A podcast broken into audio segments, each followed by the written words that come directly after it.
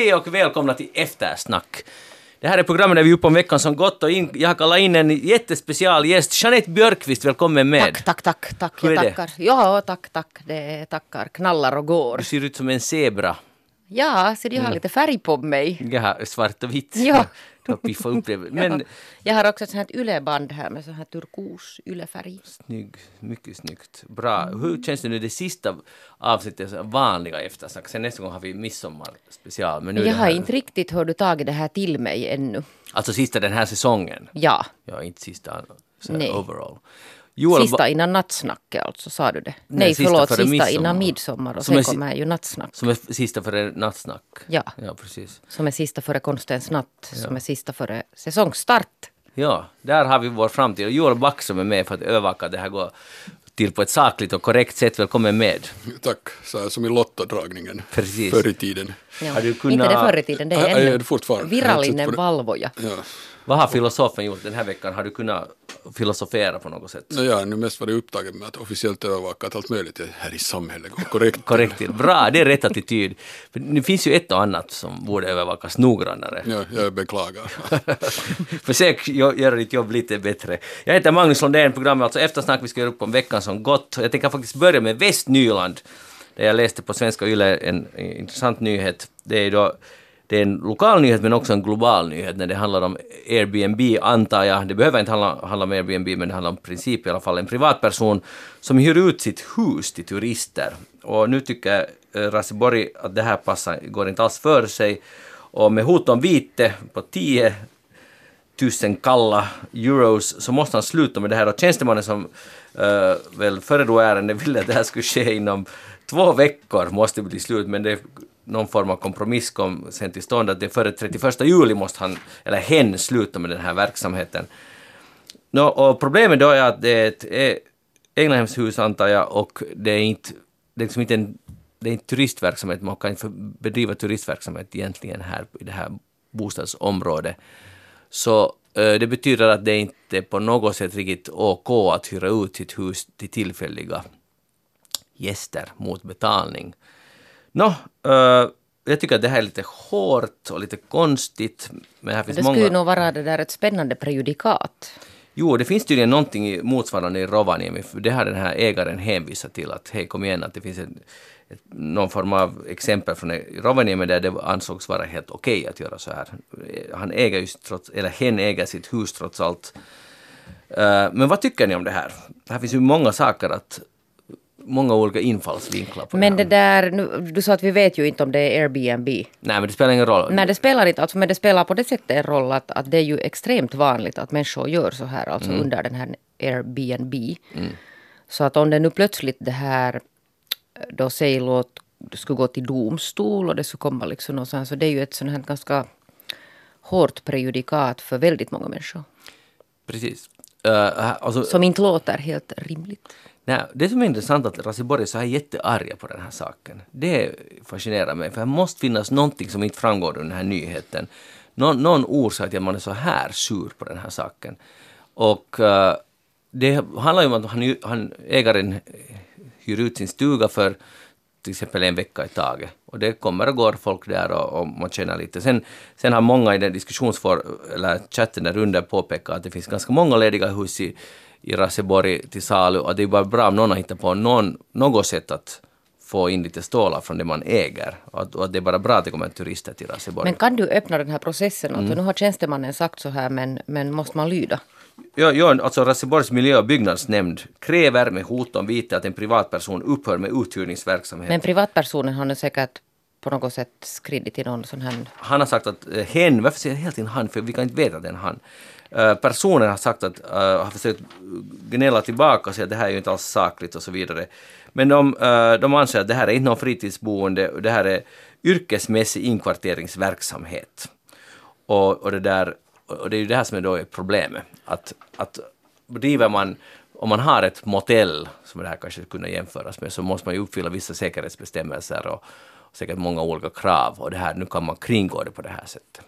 Men inte kan det här ju vara en sån sak som liksom fäller hela den här typen av verksamhet. I Helsingfors till exempel finns det väl typ en fjärdedel av alla liksom bäddplatser är i Airbnb eller privat och resten i hotell. Att det är ju en jättestor verksamhet och på en massa ställen som i Rovaniemi, mm. Lappland, alla sådana så är det ju jätte, en viktig källa till inkomster. Så inte, um, att, men problemet är väl, det har väl varit i, på vissa ställen att det blir så mycket av den här verksamheten att det till exempel att hyresnivån höjs i, i centrum på stora turist, mm. stora städer och att folk inte har råd att bo för att man hyr ut till turister som är mer lukrativt. Att det finns väl alla möjliga den sortens Jo, Berlin, Barcelona. Ja, på, och New York och Paris och, och massa då, ställen. Och kanske då Ekenäs. Ja, ja, nu har det också kommit samma fenomen. ja, det är ju klart att sen om det blir jätte liksom intensivt koncentrerat på något ställe så måste man ju ta itu med det på något sätt och försöka reglera det. Men, inte, men annars är det väl en bra sak att folk kan hyra ut lägenheter och att man får bo själv tycker jag att det är mycket trevligare att bo i en lägenhet ja. ett liksom på något sätt riktigt hem än, än på hotell. Men det är svårt med det här för att principen, idén är ju fantastiskt bra och så länge man betalar skatter och redogör för sina inkomster, det är nu utgångspunkten här. Att, då, då kan jag förstå att myndigheten måste säga att vad, vad, vad sysslar ni med här? Att ni tjänar massa pengar och ni redovisar dem inte alls. Det, det, går ju inte. Det går ju inte, då måste ju myndigheten reagera. Men jag, det verkar inte som det skulle vara, just den saken skulle vara problemet. Om vi utgår från att personen Eh, deklarera sina inkomster så men vad jag menar är att, att idén är först god och sen när det blir för mycket av det goda så går allt åt pipan och så blir alla rasande. Och det är ju just det som du hänvisar till med Barcelona till exempel och många andra ställen. Och det är ju ganska tråkigt, då blir det också tråkigt att bo i de här ställena för det finns inga andra än turister där. Och det är ju inte något fel på turister men att det blir... Det, ja, det man visst efter... är det ju fel på turister, Nej. när de är för många. Ja, det. är som människor överlag. Och de har en tendens att skockas och samla sig på samma ställe. Så det är ju, men vi är ju alla turister. Ja, absolut, just, ja. just, men det är ju den där paradoxen att alla ja. far till det där trevliga stället tills det är inte mer ett trevligt ställe. Ja.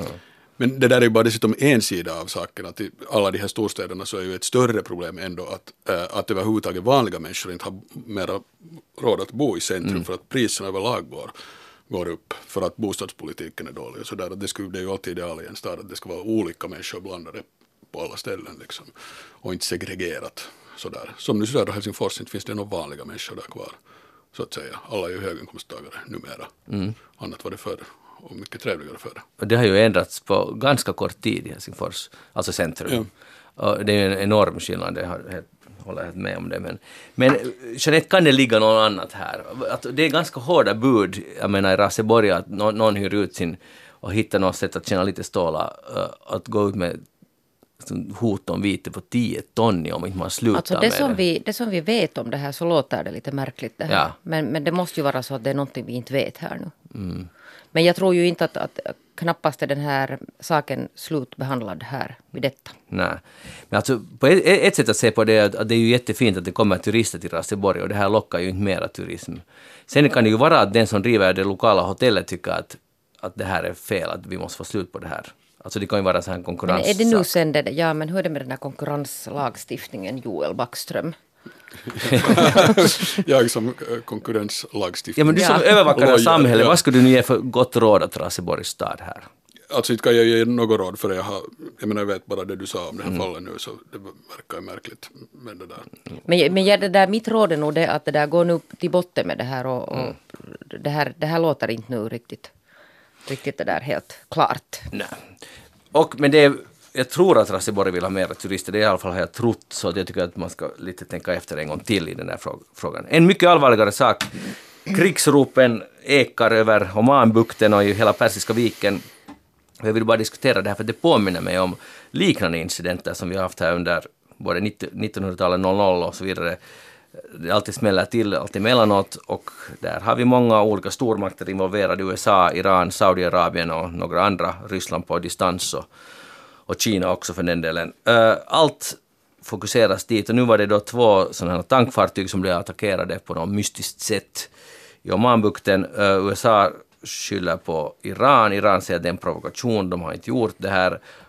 Ingen vet, eller någon vet ju förstås, men vi vet, verkar inte, eller jag vet i alla fall inte vad som är sanningen här. Men, men det som är, alltså om man har följt med den här under våren så har man ju sett att det är hit det kommer att leda. Det har varit så uppenbart att, att det, det finns två krafter, alltså USA och Saudiarabien som en fin duo och sen då Iran som båda på något sätt vill att det ska lite eskalera. Eller den, det intrycket får jag. Men jag tycker inte alls att det är det intrycket man får. Aha, Iran har ju inte alls velat att det ska eskalera. Det är USA mm. som vill att det ska ja, okay. eskalera och Saudiarabien säkert också förstås. Men Iran är ju nog inte det någon helt en trevlig stat heller. De Förstås har är ju i Iran Jemen trevlig hållit... stat, men det, har ju ingen, det, har, det är inte relevant Nej, här okej, att de okej. inte, inte skulle vilja bo i Iran. Nej. Men inte har de ju något intresse av att skapa en konflikt. De skulle vilja sälja sin olja och bli av med Mm. sanktionerna och de var ju helt med på det här avtalet som Trump bröt upp med USA om att begränsa sin, eh, eller alltså inte utveckla kärnvapen. Så allt gick ju på räls ur deras synpunkt. Det är USA, eller hökarna i USA, som sådana hade ju funnits hela liksom, egentligen sen Mossadegh framåt, att man har velat liksom hålla,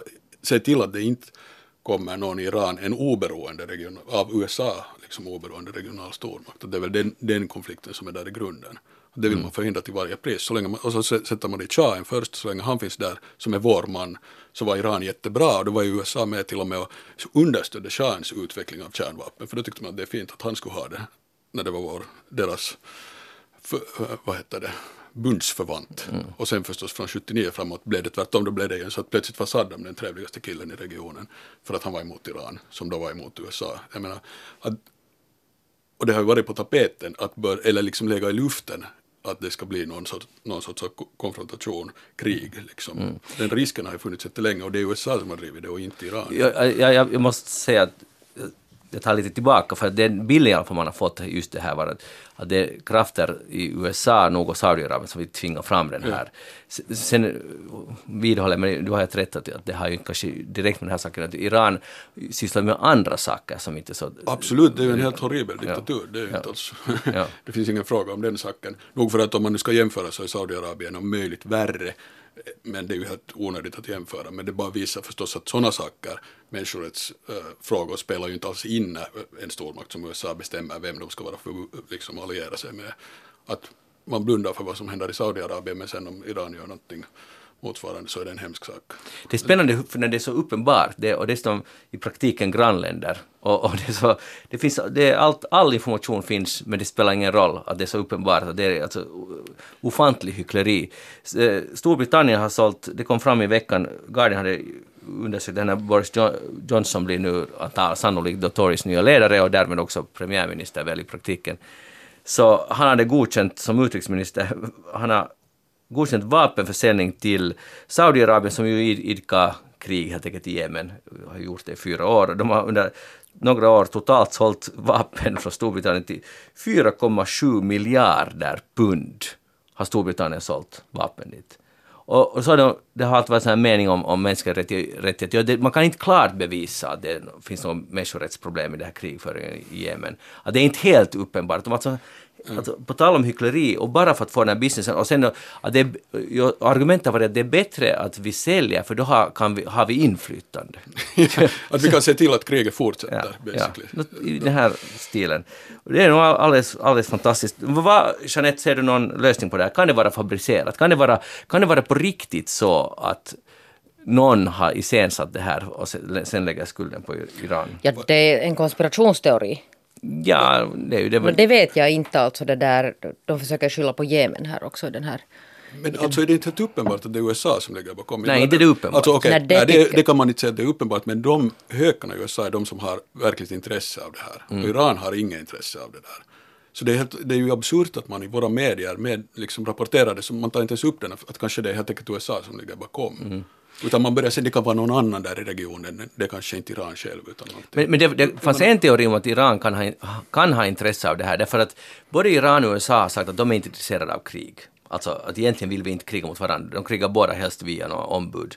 Men i alla fall, eh, att Iran kan ha behov av att visa hey, att vi kontrollerar det här sundet om vi vill och vi kan rubba oljemarknaden om vi vill. Och, och, och just göra en begränsad attack som inte i sig berättigar krig från USAs sida. Det är den här teorin som Ja, finns. ja, ja, ja, jag vet, jag har också stött på den, jag tycker att den är trovärdig. Men... Men det är ju inte alltså första gången. Det har ju hänt flera sådana här angrepp här Ja. den här våren. Ja.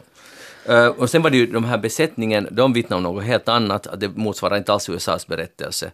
Att det kom någonting flygande och de hade sagt att det var minor som fanns där i vattnet eller på något sätt sats på det där båten. Men- Så men jag tycker- berättelserna ja, stämde inte ja, överens. Ja, Och, men nu är det ju otroligt ändå i våra media att de liksom helt kör USAs linje alltid. Mm. Att man tar det helt som, att om, de, om USA säger så man inte liksom fråga sig att kanske det inte skulle stämma i en sån här situation. Utan det, antagligen nu måste det stämma. Då kanske de har gjort, begått något misstag bara, de har missförstått. Men att de rakt skulle ljuga och fabricera en sån här incident. Fast det finns, de har gjort det hur många gånger- som helst tidigare i historien. Jag menar senast när de började kriga mot Irak senast. så var det en total lögn om de där massförstörelsevapnen. Det, som, det där liksom registreras aldrig i våra liksom, seriösa media. Ja, sen är Det är frågan helt alltså bara det att om det här eskalerar alltså det här ordkriget så vad leder det sen till slut till? För det finns ju de som bedömer att det kan alltså på riktigt utbryta ett krig där. Och det är ju en jättedålig lösning. Det är ju helt horror. Det är ett enormt land. Det kommer att vara liksom hundratusentals, miljontals döda eventuellt. Jag menar, och vi är ganska nära. Så det är så otroligt oansvarigt. Och dessutom med, med, med ledare, många ledare som är helt oansvariga, involverade. Vi, har alltså, vi vet vad Saudiarabien är kapabla till, och Iran och USA, alltså de här som nu, de är ju ganska härsna killar, de är ju alla killar då som styr USA just nu, de här hökarna. Alltså det här, det här är ganska oroväckande. Alltså här får man ju sätta sitt hopp till Trump att han inte är lika på den här punkten lika Mm. hög, hög som hans försvarsminister till exempel och, och då vi, liksom, Det är nog ett jätte det där, Ja, ja, men det- säga, ett sånt här absolut. tun- tunt hopp. det är ett Jo, men tunt det, hopp, det, det kan vara att det är det som paradoxalt nog räddar freden därför för att Trump har ju gått ut med att vi ska inte ha sådana krig. Han vill bara hålla på och, och hota och, och slå till med handelskrig och sådana saker. Men han har ju gått ut med att vi ska, inte, vi ska ta hem trupperna, det kostar för mycket. Och det kan vara det som gör att han, att han på riktigt inte vill ha det här kriget. Att, att det blir för riskabelt inrikespolitiskt. Det kan ju rädda Ja. det. Men sen, eh, ännu för att återkomma till det där hur saker rapporteras här hela tiden när det gäller sådana här frågor, helt från USAs perspektiv, liksom de- deras ideologiska perspektiv. Att, menar, nu är det helt otroligt att, att det finns ett fungerande då, avtal eh, om att just se, försöka se till att det inte blir så att Iran utvecklar eh, kärnvapen som de förstås skulle vara på ett visst sätt då helt vettigt för dem att göra när, eftersom Israel har kärnvapen så varför skulle inte de eh, skaffa motsvarande. Eh, men nåja, det finns ett fungerande avtal som USA ensidigt bryter upp och sen sätter de grymma sanktioner på Iran och tvingar andra länder att följa med. Det är ju det som det nu här för Ja. någon månad sedan eller när det var som de sa åt alla som köper olja från Iran att nu måste vi sluta med det, att vi, annars så kommer, kommer vi att sätta sanktioner mot, mot alla era företag och era banker. Jag menar, det här är ju Kina och Indien stormakter liksom, som hamnar ut för den där sortens total liksom, bullyingpolitik. Och ändå så, igen, det här är på något sätt en sak som inte i våra medier alls kommer fram, att USA använder sin, sin enorma makt så helt ensidigt till att totalt bryr sig inte alls om internationella regler eller någon, någon sorts solidaritet åt något håll. Men jag Men tycker då- nog att tycker medierna rapporterar det, för EUs linje har ju varit hela tiden det här är idioti att gå, släppa Ja. det här avtalet. Jo, jo, alltså förstås rapporteras det, men inte så där med någon verklig kritik, utan det är bara liksom på något sätt beklagligt att det nu har gått så här. EU har varit jättetandlöst när det gäller att sätta liksom hårt mot hårt mot USA i den här frågan. Att man, tvärtom har man försökt, man har sagt att det är synd att det har gått så här och sen har man försökt säga åt Iran att ta det nu lugnt och inte göra någonting. Ja, vänta ännu ett år, och Ja. de har gjort det nu. nu. Det går någon sorts deadline ut nu i juli tror jag. Jag menar, vad ska man, Ja. det är ju klart att är ett land som är helt beroende av oljeexport. Eh, Så sen kommer det ett andra- annat land och gör det omöjligt för dem, förbjuder dem att handla med olja förstås. Jag menar, vad ska de göra? Ska de, de ska sitta där snällt och vänta medan befolkningen... Men Trump vill att de ska få- förhandla om de här, det här kärnkraftsavtalet. Och, och Ja, det är det, ja, ja, ja, men nu kan man vilja möjligt, men igen helt ensidigt. Jag menar, det fanns, jag Ensidig håller, alltså det här tycker jag, för det fanns det avtalet och det var väl relativt lugnt den här saken. Men nu har ju säkert Saudiarabien viskat i Trumps öra att det här, vi måste få lite action på den här saken. Att det är för lugnt läge nu och vi måste sätta dit Iran med de här oljan. Så att det, nu hänger ju allt, alla de här sakerna ihop. Men, men man blir ju lite mörkrädd nog när man börjar läsa in sig på de här sakerna. Och vad som komma skall. I, indirekt med det här, för grund, eftersom det handlar ju om Syrien och, och har vi att göra med de här Isis-barnen som vi har diskuterat tidigare i eftersnacket. Det var en kolumn i HBL, Hu- Husesbladet, Miriam Kallan skrev det som vi också tyckte sa ganska tydligt, eller vi tyckte i eftersnack att om det är finländska medborgare så måste mor och barn naturligtvis komma hem här. Nu har då uh, få komma hem och sen måste man bara förstås sköta det på ett klokt sätt och uh, vad ska vi säga, övervaka och debrief, Utreda. utreda, debriefa, har de gjort något brottsligt, debriefa ideologiskt och så vidare. Och det kostar ju samhället en del men det handlar ju inte om vad är det, var det 33 barn och 11 mammor, ja. så det är ganska relativt marginellt på det sättet. Nya inrikesminister Maria Ohisalo från Gröna säger eh, att Finland inte ännu har fattat något beslut om vad man ska göra med de här finländska kvinnorna och hon säger att ärendet är mycket besvärligt. Eh, uh, deras, uh, eh, på lägre all håll finns finländska medborgare som befinner sig i en svår situation. Deras hälsa och liv är i fara. Finland kommer att bära sitt ansvar och nu överväger vi hur vi borde framskrida, sa hon i en intervju för Yles morgon-TV idag faktiskt.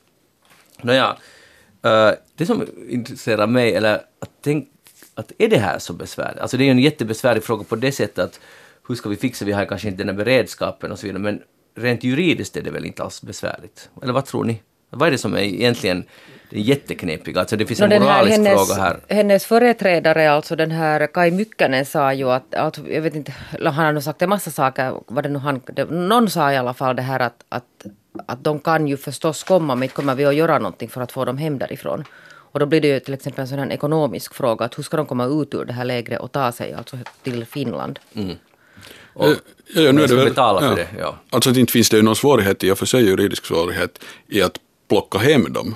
Utan just vad man har vilja är ju att kunna se till att man inte ska behöva göra någonting. Om de nu kommer måste man ta emot dem men Mm. man vet ju att inte kan de komma ut därifrån på något sätt. Så inte vet jag vad hon menar nu, att vad är det som är så svårt med det Där här. finns finsk, finländska barn Alltså det är antagligen det här att borde alltså Finland vara aktivt, alltså ta hem dem därifrån, det vill säga till exempel betala. ja. resorna. Ja.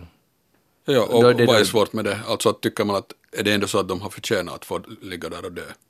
Det är ju basically det, är det en svår fråga. Det är väl, nej, men det är väl så som man, att, som man bäddar får man ligga. Det är väl tanken här. Ja, Men- att man behandlar dem sådär som Isis just har behandlat människor. Det där som är otrogna som till och med deras barn kan få dö. Mm. Det behöver vi inte bry oss om.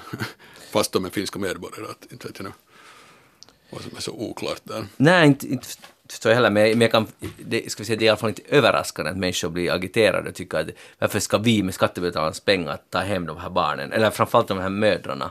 För det har ju, det har ju sagt Ja, det är väl alltså framförallt mödrarna. mödrarna att, att vi tar hem barnen och låter mödrarna bli där. Ja, och det, blir inte, det, är inte någon, det är inte sådär bara som man gör det heller. Det finns ju konventioner mot Mm. sånt. Ja, det är ju inte heller helt, hemskt hyggligt att skilja barn från sina Nej, och då har vi åtminstone några av de här 33 som kommer hem kommer att radikaliseras förr eller senare. För att då kommer de att se Finland som skyldig till att de familjen splittrades, vilket ju på ett sätt stämmer, Ja. men, men, men i alla fall. Så alltså, ur Finlands... Alltså jag, jag faktiskt hoppas att man kan ta hem de här och, och sen... Ja, ja, för jag tror liksom att slutet på, den, Finlands eget intresse alltså. ja, och slutet på den här historien är oberoende det att de här barnen kommer att komma hit. Mm. Och, och då är frågan att hur länge ska de alltså vara i de här förhållandena de lever i nu? För det gör inte gott åt något barn att leva där de lever nu. Nej, det är helt extremt. Ja. Extrema förhållanden. Nu kommer sommaren och det är väldigt hett där. Så att, alltså det är inte något, det är inte något lyxliv de lever Nej, där precis. dör ju alltså barn. Där har väl dött det är minst 200 barn. Pälsnäringen förbjuds i Norge. Stortinget har röstat igår kväll, sent igår kväll, rösterna föll 101 mot 68.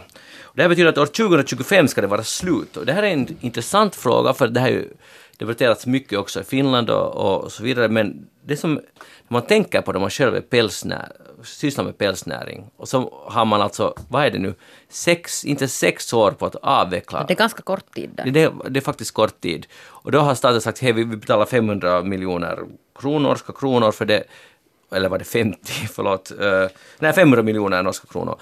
Men det finns ju säkert ganska många uh, farmar, så det är inte, blir inte så hemskt mycket stålar om man tänker på alla investeringar man har gjort och så vidare. Det, det som alltså jag tycker är intressant här är att man har byggt upp en verksamhet som är helt laglig när man startar den. Och, och det kan finnas ett moraliskt dilemma där, men det är helt lagligt, man kan få sälja sina produkter. Sen plötsligt säger staten att det är, sen, det är förbjudet snart att göra Men det här. jag tror- nu kan det, det- är ganska intressant. Nu kan det hända att, att den här liksom plötsligt, att det har ju inte säkert kommit liksom sådär plötsligt. Igår tyckte vi att det här var bra och idag tycker vi att det är dåligt. Utan det här är ju en diskussion som har pågått jättelänge. Den här alltså förbudsdiskussionen och hur man ska liksom, om man ska och när man i så fall ska avveckla. Och Det har ju gjorts alltså i andra länder. I den här artikeln på svenska YLE så står det att när frågan senast debatterades för två år sedan beslöt den norska regeringen att pälsnäringen får fortsätta med villkoret att man går in för citat en hållbar utveckling inom pälsnäringen. Och tänk själv om man har den här verksamheten och sen två år senare kommer det, nej, nu, nej det, det här stämde inte, nu måste vi sluta med det. Att, nu, att jag menar bara, rent ekonomiskt är det ganska hårda bud. Att jag tycker att det, jag tycker att det kan vara helt okej att förbjuda pälsnäringen, men, men om man tänker ur deras perspektiv, de som har gjort de här, har det som jobb, så nu är det ganska heavy. Ja, du har då i två år försökt göra det hållbart. Ja, och sen, sen dög det inte. Nu är det dags att sluta. Um, sen ska man kunna liksom, att om man tänker ur miljösynpunkt så skulle de ju kunna lägga ner oljenäringen i Norge hellre om de skulle vilja göra en insats. Men det är knappast troligt. Då. Nej, det är Att ganska osannolikt. Och sen är det väl inte bara miljöskäl som anges till det att man, att man nu avvecklar det här. Tror ni att pälsnäringen har en framtid? Alltså nu tydligen uppenbarligen inte i Norge, men, men som konsumtionsvara? Kommer det att, har det ändrats nu faktiskt? Kommer det här som tobak småningom, att det leder till att intresset falnar? falnar? Men det verkar ju inte ha falnat riktigt på samma sätt som den här tobaksintresset till exempel. Eh, och så vet jag att Elli Flen har väl suttit i denna studio och pratat om att det där att om man nu avvecklar det i Finland så den här alltså konsumtionen kommer ändå inte att försvinna utan det betyder bara det att då flyttas alltså den här produktionen till länder med riktigt ruckiga villkor för de här djuren. Det vill säga Kina och sådana. Men det där inte vet jag att, att det där har människors attityder, alltså allmänhetens attityder till päls förändrats. Jag tror ju det men, men det finns säkert forskning som skulle kunna berätta att är det så. Ja, för det här är just det, för jag, jag tror alltså inom situationstecken precis på samma sätt och jag tror, eller för mig känns päls, att gå med päls väldigt old school. Men det kan ju vara att man lever i en bubbla som att man inte alls har koll på de här sakerna. Joel, är du, Jag- går du ofta med jag päls? går- Faktiskt om det är riktigt kallt på vintern så brukar jag ha min farfars gamla, vad heter det, skinn, vad, heter det? Skinnmössa. Ludimössa kallas det i Östnyland.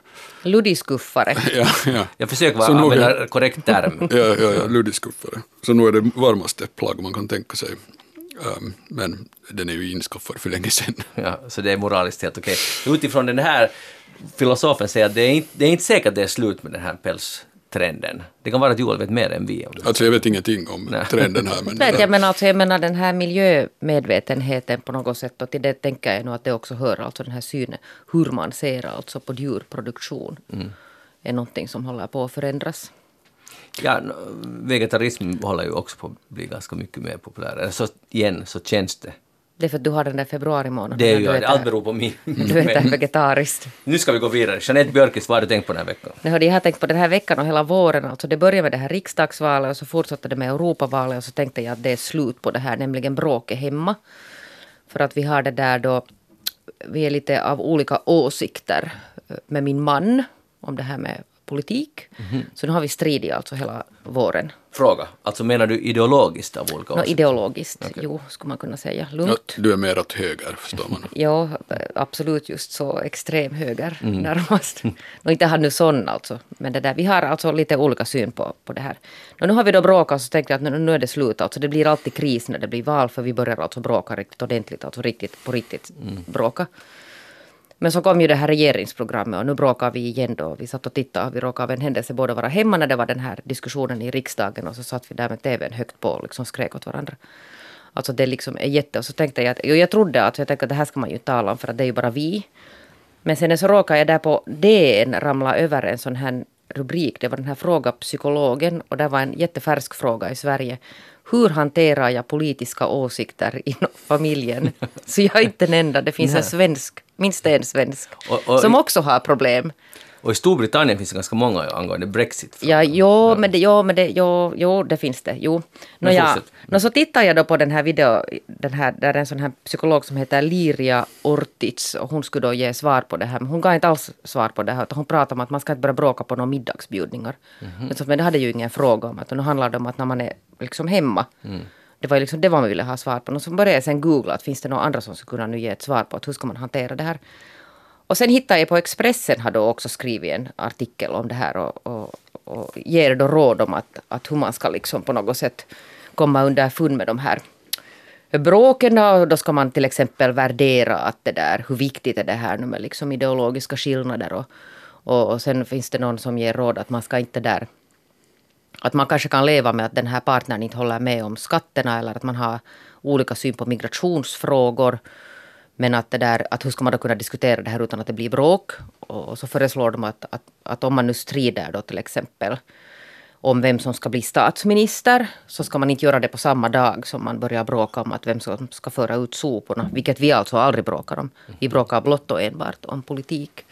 Men jag fick liksom inte något svar på det här och sen googlade jag lite till och inte hittade jag liksom riktigt något svar. Men jag vet att jag är ju kanske nu inte den enda som, som det där har problem med, med det här. Men blir det alltid, jag menar, Men det går ju inte att tala med honom.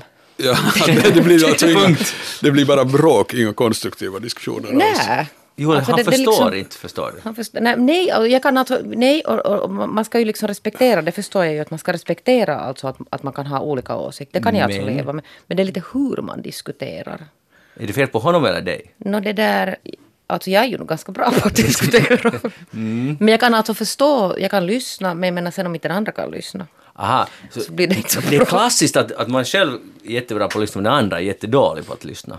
Det, Ja. Tänk att det alltid är åt det Eller liksom att, att det blir så hård, hårdraget genast och sådana överdrifter. Jag tycker inte om när man överdriver när man ska föra en diskussion.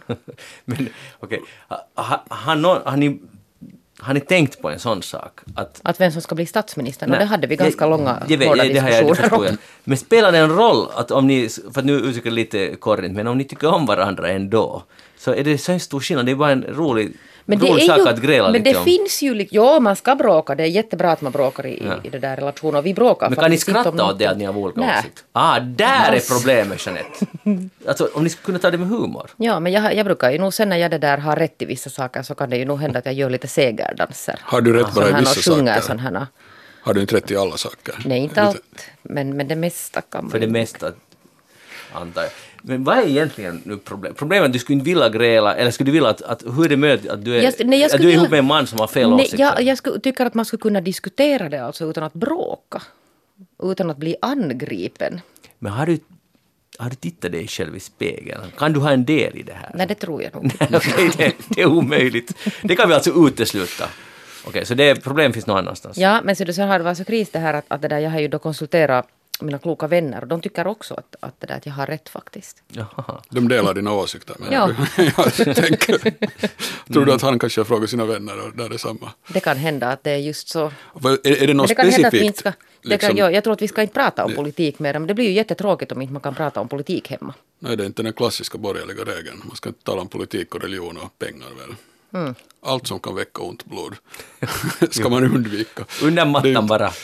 Ja, Det tycker jag, alltså jag, jag, jag skulle rekommendera humor. Att man kan skratta åt det ni har helt olika åsikter.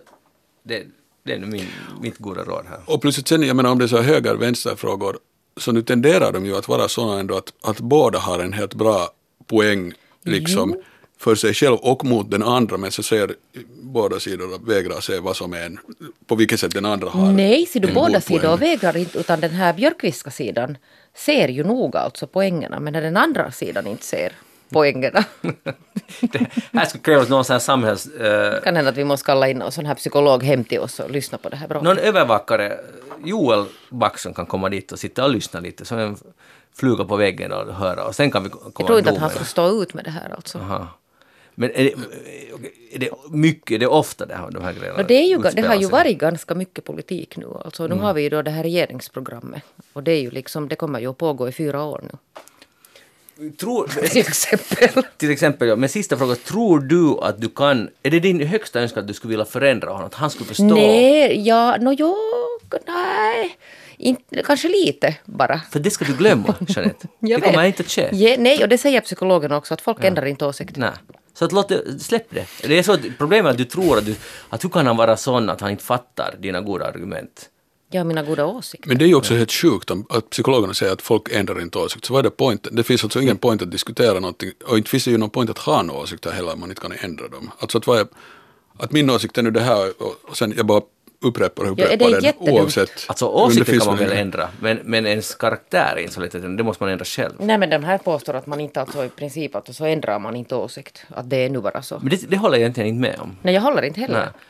Sen är det ju också det att det finns den här viktiga skillnaden ju just mellan att två människor kan ha på sätt och vis samma åsikt om någon fråga och sen ha helt olika inställning till just hur de har den här åsikten och ha olika, någon kan ha, bara, ha en förmåga att resonera kring sin åsikt och någon annan inte alls vill göra det. Och någon kan förstå att den andra liksom åsikten också har någonting för sig men ändå hålla fast vid sin åsikt. Så sånt är på ett sätt viktigare än vilken den här åsikten är. Alltså det beror nog på vad det är för fråga förstås. Ja, och sen alltså, att- tycker jag ju nog att man kan grunda sin åsikt alltså på, på information och fakta. Att man kan ju inte liksom komma med en åsikt om inte man överhuvudtaget har bekantat sig med materialet så att säga.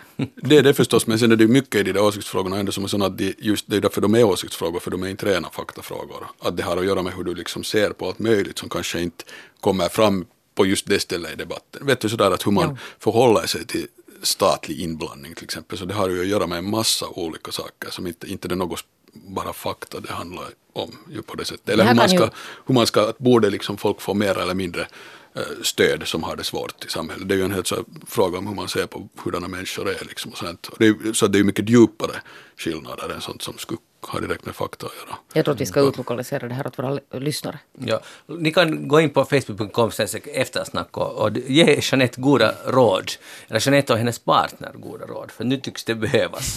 och, Det var eftersnacks relationshörna. det var, och nu går vi vidare till vad har Joel Backson tänkt på den här veckan? Eh, nu jag har tänkt lite på klimatångest, eller inte direkt egentligen det, utan det var en träff på någon som hade led av klimatångest. Och, jag menar, det kan man ju säga, Stopp, vad, hur tog det sig uttryck? Eh, no, det var igen bara om, ska man nu flyga dit? Eller, jag menar sådana här klassiska, klassiska äh, ångestar. Um, och, men jag tänkte bara på en liksom, sak som har med det att göra som jag tycker är underlig, hela den där hur vi ser på äh, och förhåller oss till klimatfrågan. Att, äh, eller två egentligen olika saker. Det första, just det där äh, att, hur det, att de flesta människor ändå skulle säga att den tar det på allvar, att det, vi är på väg liksom, helt enkelt åt helvete, käpprätt åt helvete. Och ändå är det nästan ingen som vill göra något liksom, på allvar och ingenting händer på allvar i politiken fast alla säger att det är allvar. Uh, och sen tycker man att det är hemskt om någon förnekar. Klimatskeptiker det är ju det värsta man kan vara. Man har liksom inget, uh, inget förtroende någonstans. Och ändå, det är ju ändå en, en liksom på något sätt konsekvent ståndpunkt. Då. Man tycker att det finns inte något problem här. Man tror inte att det är något problem. Medan alla vi andra så att säga som inte är klimatskeptiker, i den, eller kanske vi är, men de som inte är den, så har ju en helt underlig schizofren inställning till det där. Att man tror på riktigt att det är på väg åt helvete och ändå gör man egentligen ingenting. Mm. Så det är det första och sen det andra det att som är underligt men när man målar upp så scenarier hur hemskt det kommer att bli så att sådana, liksom en stor del av världens befolkning lever ju redan nu med de hemskaste förhållanden man kan tänka sig. Till exempel svälter eller har inte rent vatten eller har... Men de blir, de blir allt färre. Det blir ju bättre. Jo, jo, det, jo, det, sure, Men det blir lite bättre men jätte, jättelångsamt. göra nya Men, men problem. jag menar bara hur, om man jämför med hur lite intresse det, vär, det ändå äh, liksom väcker och hur lite så här känns att nu måste vi verkligen samla oss och tillsammans åtgärda det här problemet att folk svälter nu. Så det får man liksom inga det väcker inte folks passioner men sen om man säger att om, om tio år eller om hundra år så kommer något helt hemskt att hända så då kommer man på något sätt samla folk alltså samtidigt som det fortfarande stämmer att inte så då gör man på riktigt någonting men då kan man skapa känslan av att om vi inte snart gör någonting så går det väldigt illa. Mm. Uh, och jag undrar om det har, vet ni, att det som, mm. istället för att titta på det som nu redan är helt åt, verkligen åt helvete redan nu i vår värld och, och som skulle vara ganska lätt att åtgärda mycket av det.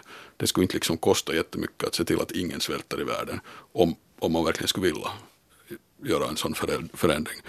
Och där undrar jag om det inte är så att den där, att det är liksom lätt att projicera på, för det första att den där klimatångest, eller klimathotet liksom skapar en bild av att vi är alla i samma båt. Uh, som är liksom betryggande på det sättet att vi är här och försvarar vårt gemensamma jordklot. Och det tror jag ju tyvärr inte att det handlar om. Att, att liksom västvärlden på något sätt omfattar hela världen globalt. Nej, nej, det handlar ju men sådär ideologiskt, så att säga som fantasi så blir det så här just att vi kan fantisera att vi är alla i samma båt. Vi här och den fattigaste människan i Chad, vi är alla i samma båt, vi försvarar vårt gemensamma jordklot. Men om man skulle titta på vad läget är nu så kan man ju inte säga att vi sitter alls i samma båt som den här människan i Chad. Utan vi utsuger Chad och, och den här människan i Chad svälter. Så då blir genast idén om att vi sitter i samma båt liksom går upp i rök så att säga. Man måste börja tänka på rättvisefrågor och sådär. Vem som har och vem som inte har i världen. Eh, som ju egentligen miljöfrågan hela tiden handlar om också. Att det är 20 procent av människorna dit vi hör som konsumerar 80 procent av resurserna, 80 procent som konsumerar 20 procent av resurserna. Så det är helt klart var, liksom vem det är som skapar miljöproblem här i världen och det är vi. För att den är så ojämn, resursfördelningen. Så genast, men man kan liksom undvika menar jag, rättvisefrågor genom att ha en sån idé om att vi alla tillsammans liksom kämpar för att något i framtiden inte ska hända åt vårt gemensamma klot. Mm. Det låter helt... Inte det, alltså det är ju lättare så. Alltså, för, för, eller, det är ju det är ju extrem lyx trots allt att kunna att resonera kring att ska jag flyga, ska jag inte. Nu jag kan ta tåg ena vägen mm. eller, eller nu kan lämna den där resan emellan. Alltså det, det är ju en Alltså det är det vi inte kan se och det, jag tror att det, det stöder det vad du säger därför för att, för att om vi på riktigt skulle vilja uh, göra något åt alla de där problem som du nu nämnde, så nu det finns det ju många som jobbar med det och, och det har ju blivit mycket bättre. Så nu är det ju saker på gång. Jättelångsamt blir det bättre om man, om man tänker hur, alltså det hur folk lever nu och den, den fattiga majoriteten så blir det ju jättelångsamt bättre. Men det är sant att det blir liksom bättre på många håll åtminstone. No, extremfattigdomen minskar och så vidare. Ja, men sen om man talar om det här klimathotet så det där de här våra sannfinländska vänner så de tror ju inte på, på den här klimatförändringen väl alls. Eh, och ja, De säger, hysteri kallar de det. jo, och det är ingen, spelar ingen roll vad Finland gör. Men jag skulle bara säga som ett tips åt dem att, det där, att de om någon borde ha intresse av att det där åtgärda det här för att det där, den här, sen när den här klimatförändringen på riktigt alltså drabbar till exempel Afrika så kommer vi att ha stora problem för att då är det väldigt många människor som behöver sticka från olika håll och komma till exempel hit. Ja, men jag tror inte det argumentet riktigt går hem. Därför att, för att om, man, om man anser att, klim, att det och det inte kommer att ske, så kommer inte det här heller att ske. Förstår du? Nå jo, Så alltså, då behöver man inte på det sättet oroa sig. Nu är det lättare att slå ifrån sig. bara porskuttar. Men, men äh, har ni någon gång varit klimatskeptiker? För att, så här att ni har ifrågasatt att kan det här nu vara sant?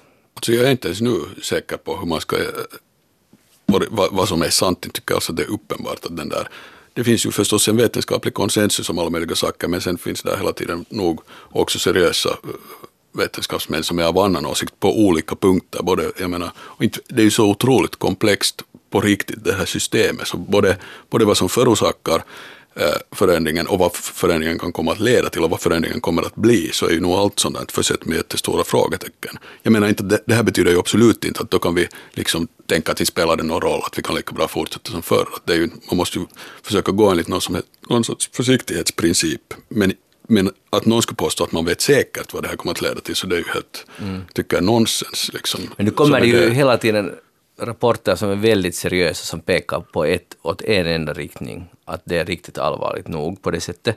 Sen jag blir kanske bli mer frustrerad över, att det är så himla mycket snack.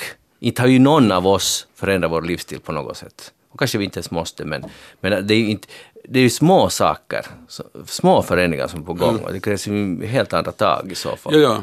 Men jag, menar bara att på det sättet så hela den där, eh, liksom hur, hur, eftersom klimatet är ett så komplext liksom globalt system där det är en massa feedback loops och så här så är det tycker jag per definition så att man kan inte riktigt påstå att man med någon riktig säkerhet kan veta vad som kommer att hända när den här faktorn förändras här. För, eh, medan, jag menar det finns ju en massa saker som man med ganska stor säkerhet kan veta att, viss, att släppa ut gifter, att det är faktiskt inte bra eller att vissa fiskbestånd håller på att fiskas slut. Jag menar, sånt kan man veta och sånt kan man Eller att arter dör. eller att arter dör ut. Och jag menar, det finns en massa sådana saker som inte alls är, det behövs inga avancerade modeller för att ta reda på det där. Utan det är faktum och det finns saker man ska kunna göra åt det. Och det är ju ett problem, ibland åtminstone, med den här, att klimatfrågan har fått en sån dominans att sådana andra frågor som är på det sättet konkretare och helt inte har några spekulativa element, så de får inte den uppmärksamhet och inte den finansiering som de eventuellt skulle förtjäna.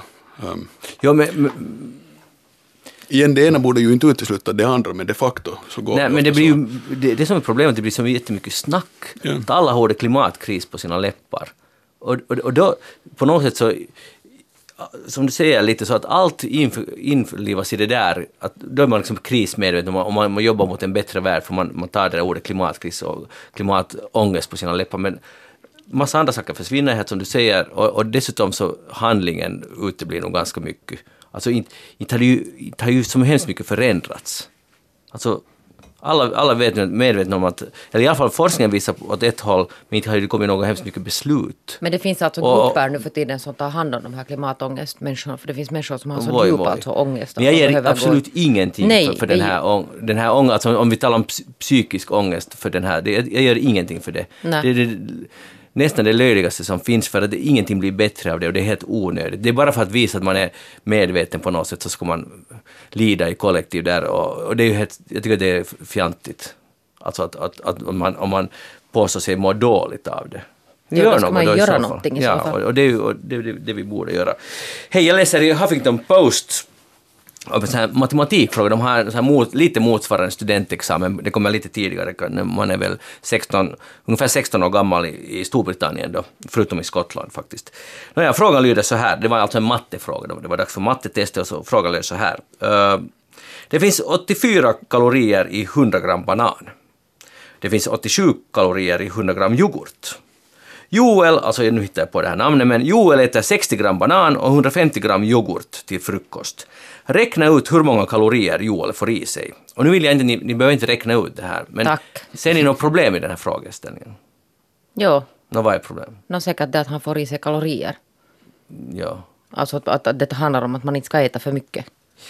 precis. För att nu har det ett himla hallå och många som har lider av ätstörningar är alldeles knäckta på det här för de säger att det är rent som maniskt, man är, hela ens huvud är ett räkne, en räkneoperation där man räknar kalorier och är helt totalt fokuserad. Den som inte lider av det kan inte förstå det här, att det är liksom en helt annan värld och att det här var okänsligt och dåligt. Och jag måste säga när jag läste det här, för den här uppgiften, jag blir så här att jag tänker på den enbart som matematik. Att det är en helt lätt uppgift men helt relevant på något sätt. Och som de själva sa, it's valid, alltså de här nämnden tillbakavisar kritiken. att Det här är en helt relevant uppgift att kunna räkna de här sakerna. Och jag, på det sättet, spontant var jag bara samma åsikt. Och sen började man tänka, för när jag läste en kolumn av en eh, journalist som förklarade hur tankegången går, så var jag usch, så okänsligt att ha den här uppgiften. Men att man ser inte före. Men tycker ni att det är för känsligt sen att insätta med en sån här uppgift? Nå, nu blir det det Att- här att det där, att det där, jag ser alltså den här jag ser alltså poängen i den här kritiken, men det blir nog sen så här att, att det där, sen om man ska börja alltså det där ta hänsyn till alla. Mm. För det finns alltid någon som, som upplever någonting som kränkande. Så då har vi plötsligt, då lever vi i en ganska krånglig värld. Och med det här alltså underskattar jag verkligen alltså inte de som har ätstörningar. Jag har läst ganska mycket, jag har träffat många människor, jag känner sådana som har det. Så det är alltså faktiskt alltså en allvarlig, allvarlig sak. Men, men just det här att hur ska vi formulera oss sen om alltid någon tar illa vid sig. Ja, tänk nu på alla de som är dåliga i matematik rent till exempel. Det är ju hemskt att de alls måste svara på en matematisk fråga. Tänk vilken ångest det skapar. Så vi lever i en, en värld där, där man måste ha hemskt mycket hänsyn då. Men det är, är det inte så? Det är ju redan absolut på väg på det. Men samtidigt så jag kan helt förstå Men hur ska man göra? Jag förstår också att det är Ja. jättebra det där resonemanget. Men jag menar, vad hade de till exempel för andra frågor? Att om man tittar igenom dem, att, Mm. att var det nu specifikt så att just den här frågan var den enda som... som, Som och, då kan man, och då är det ju klart att man kan liksom värdera frågorna. Att finns det nu någon sån här uppenbart, alltså någon sån här som, som på något sätt kan... Men alltså- men det kan ju vara störande åt någon som är överviktig också. De har ett ganska stort problem med övervikt i Storbritannien. Ja, men en sån här fråga, att jag bara tänker att jag håller helt med om att det här överhänsyn, det, det går ganska långt. Men sen genast om man uh, hör arg- motargumentet så blir det, ah, det var inte så där svartvitt just i det här fallet. Men det är klart att man, man kan helt enkelt förskjuta det lite. Men i det här fallet så skulle man kunna ha att det, det går åt tio spikar till att bygga en eh, vägg och sen går det åt 20 skruvar Men det är ju inte alltså, där är ju alltså den här matematiska Ja, men alltså, skulle kunna- problematiken är helt annorlunda. Nej, nej, man, jag, jag lovar det att man skulle kunna få det fixat. Eh, Att, att det blir en Men motsvarande det här var ju bara en uppgift. fråga av många. Ja. Man borde ju se liksom helheten då. suckar nu. Sätt, gör ett stopp på det här. ja, alltså jag menar, nu förstår jag ju helt bra att eh, förstås om du har en ätstörning så att man ungefär, att folk nästan tar livet av sig, eller ibland inte bara nästan, utan tar livet av sig för att de har sån ångest kring det där ätande. Så förstås en sån människa som ställs inför det där, jag menar, så det är nu ännu en till spik i dens kista för att tala om spikar. Så okej, på ett sätt är det ju, om man tänker det här är då något test och sådär, så de kanske har det lite svårt så okej, kanske man inte skulle behöva ha den där. Men sen å andra sidan så hela just den där att man har sina jäkla ångestar och håller på och sen ska hela världen ändras så att man inte ska behöva ha dem och inte hjälper det ju på något sätt förstås heller. Inte kommer den där ätstörda människan att sluta tänk, tänka liksom mindre på kalorier för att inte den där frågan finns där. Att det där, jag menar, det är Ja, ju det jag som måste- är problemet, att den går omkring hela tiden och det är det enda det kellar på. är Den, Och jag måste säga där. att jag som då hänger där mycket mer på de här sociala medierna än ni, så jag vet att det finns alla möjliga slags alltså saker man kan bli jättekränkt över. Alltså sådär riktigt, alltså djupt kränkt och sen fastna i sin kränkthet. Att, Ja. att det, det liksom finns så mycket människor som tycker att man ska ta hänsyn till just specifikt den gruppen. Att, att det finns så hemskt många av dem. Och det i sig är ett ganska stort problem tycker jag. Jo. Att den här överkränktheten, eller... Och det är just tendensen- kränkthet, det, är det liksom kallas ju överkänslighet och sådär ofta, men det är ju det att en tendens att vilja bli kränkt och, vilja, och bli just kränkt över att inte alla hela tiden tar mig i beaktande att just jag har det här och det här. Ja, och sen glömmer jag bort att det finns alltså tusen andra som blir kränkta av helt andra saker. Kanske av en annan fråga har någon annan blivit jättekränkt. Till exempel skulle man ju kunna bli jättekränkt av att någon är så känslig. Att jag kommer här med jättemycket parfym på och sen blir någon jätteöverkänslig över det. Så det, det, är kränkande för mig att jag inte får vara Eller du skulle kunna vara kränkt sådär som matematiskt begåvad över att någon har missuppfattat den här fina matematiska formuleringen. Ja, hur kan man säga det sådär? Nåja, tack för det. Det där sömntrackers, sådana här klockor eller andra apparater som man har vid sängen eller på, runt armen och, och kolla hur man har sovit. Så jag läste en intressant artikel i New York Times, så där är nog olika professorer och forskare som säger att, att, att det verkar nu tyvärr vara på det sättet bland många, att om man har de här apparaterna som följer med ens sömn, så tenderar det att ens oro över ens Aj, sömn ja. bara ökar. Det var ju överraskande. Ja, det var överraskande. Men det här är... Och, då, och jag har lite nu erfarenhet av det här, eller två nätter, tre nätter. Jag har en sån här klocka som jag fick av en kompis. Och det där... Och, och, det, där, man kan då följa med sin sömn då. Och jag har testat den tre nätter, alltså en gång i veckan. Och nu tänker jag inte göra det mer. Men alltså det är ju helt otroligt när det kommer, och jag vet det här är inte någon nyhet för alla som har de här, men att allt rapporteras där. Nästa dag, pling, man vaknar så står det att så här har du sovit i natt.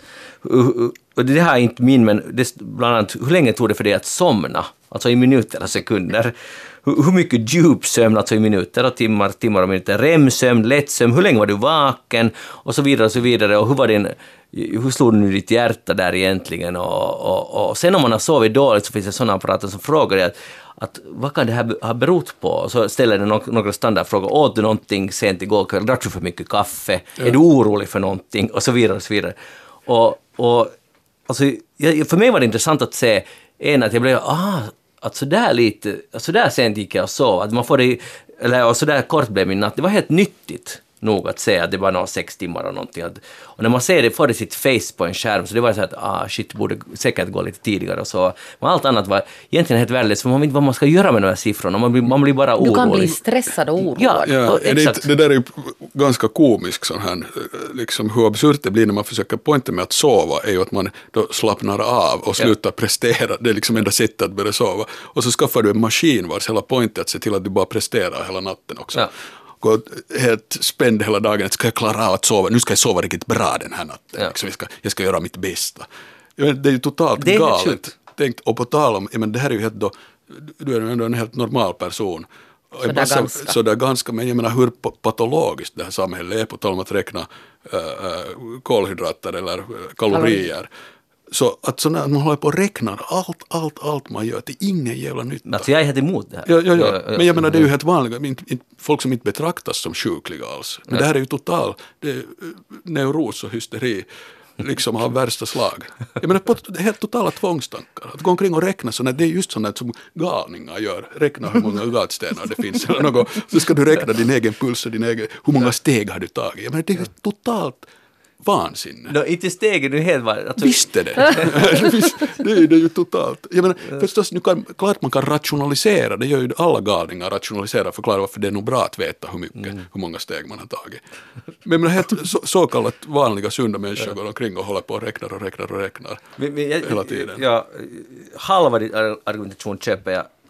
Andra är lite, det, det kan man diskutera, men det här sömn absolut, för just som du sa, jag tycker det där är jätteklokt. Att när sömn är ju just det att slappna av. Och nu har sömn, också sömn har de lyckats skapa till en prestation. För det är ju det det handlar om, jakten på den perfekta sömnen. Och det får människor att bli helt on the edge, för att nu har jag inte, jag måste vara bra också där. Ja. Och det, det alltså, jag tycker det är helt, kan inte, kan, borde man inte sluta sälja sånt här? Det började med det där begreppet kvalitetstid. Det var ju liksom där att Där började nu, nu, ska du, nu ska du vara riktigt lugn och slappna av och ha kvalitetstid, alltså en grym prestation. Och inte ska man tycka att sluta sälja dem, men man kan ju sluta köpa dem. No, men vi kan börja därifrån. Och mera goda nyheter från teknikens värld. Eh, nu, det var en annan, annan artikel jag läste så där det framkommer att, att har ni tänkt på att de här Amazon Alexa, de, den här assistenten som man har i sitt hem, som man ber att spela upp en bra låt eller kan du justera kylskåpet lite kallare eller ring till Joel och säga att det eftersnack börjar snart. Och Google har ju motsvarande och så vidare. Att inom kort så kommer de här att ha mera information om dig än i dagsläget alltså Amazon, Facebook och Google tillsammans. För de har allt om dig. Alltså, de vet precis egentligen det är svårt att säga någonting, alltså, kanske inte dina tankar, men om du nu går omkring och tänker högt och det också bandas och så vidare, så på ett plan, de kanske inte gör något med den informationen, men att, att här finns en framtid och det, det är uppkopplat centralt någonstans. Det är de vet allt. sjukt. Alltså precis vad de dricker, vad de gör hela tiden. Alla, alla de här sakerna kommer som nu är ändå utspritt och ändå tillräckligt al- alarmerande. Ditt privatliv, allt kommer att finnas och folk köper de här och älskar sina assistenter. Nu är min fråga, kommer ni att köpa en sån? här? Jag förstår att det är nu lätt att säga nej, men kommer du att köpa jo, en tre år? Nej, men så, nu är det så här att jag har träffat en sån här Alexa, tror jag hon hette, Mm. hos en kompis och jag blev ju lite, alltså det var ju lite fascinerande. Och det där, och sen hade vi en sekund tänkte vi att borde man ha en sån hemma och sen blev jag alltså paranoid och började tänka just det här att jag vill inte ha någon sån här hemma som på något sätt hela tiden har kontroll. Mm. För att, för att jag har lite sån här paranoida alltså föreställningar om de här, alltså just de här Mm. informationen som läcker ut och hur man liksom övervakar alltså en massa saker. Det är ju som det att beställa hem en liten Stasi-agent alltså. Ja. Och sen- Bara du betalar för det. Man betalar för det för det första och sen det är ju det att kapitalismen är alltid bättre på att sälja saker än socialismen. Att man, då visste man ju att den här Stasi-agenten vill inte dig väl men nu har de lyckats paketera den till en Alexa så man tror att den är liksom bra för mig. Men det Ska- gör ditt liv lättare. Alltså nu gör den ju det. Ja, till priset av min frihet och integritet och, Och det där som gör mig till men människa. menar, alltså, det är ju inte så där att det är omöjliga saker att göra själv, det var de här Nej, exakt. gör. Det Det är stämmer. ju det, är ju det, det, det är så grym infantilisering där hela tiden. Man, kan, man klarar inte av så att man kan inte öppna dörren själv, man kan inte kolla koll på någonting, man kan, ingenting kan man göra själv. Men jag blir nog ändå intresserad av dem i det avseendet att, att rent tekniskt så skulle jag bra kunna snacka med Alexa en dag, inte i mitt eget hem, bara för att förstå, oh, det är nu är det ganska coolt att människan har lyckats hitta, hitta på det här. Du kan få Men- den här Siri och beatboxa, det gör min dotter. Jeanette Björkqvist, nu är eftersnack slut för idag. Tack för din närvaro här. Och eh, det blir alltså mi- midsommar eftersnack nu om en vecka, sen kommer bli det nattsnack den 19 juli. Och nästa midsommar, alltså eftersnacket börjar redan klockan två efter nyheten och håller på i två timmar. Sen blir det nattsnack 19 juli och vi hörs igen. Joel Backson, tack för att du var här. Jag heter Magnus Lundén. Ha en riktigt skön vecka. Hej då!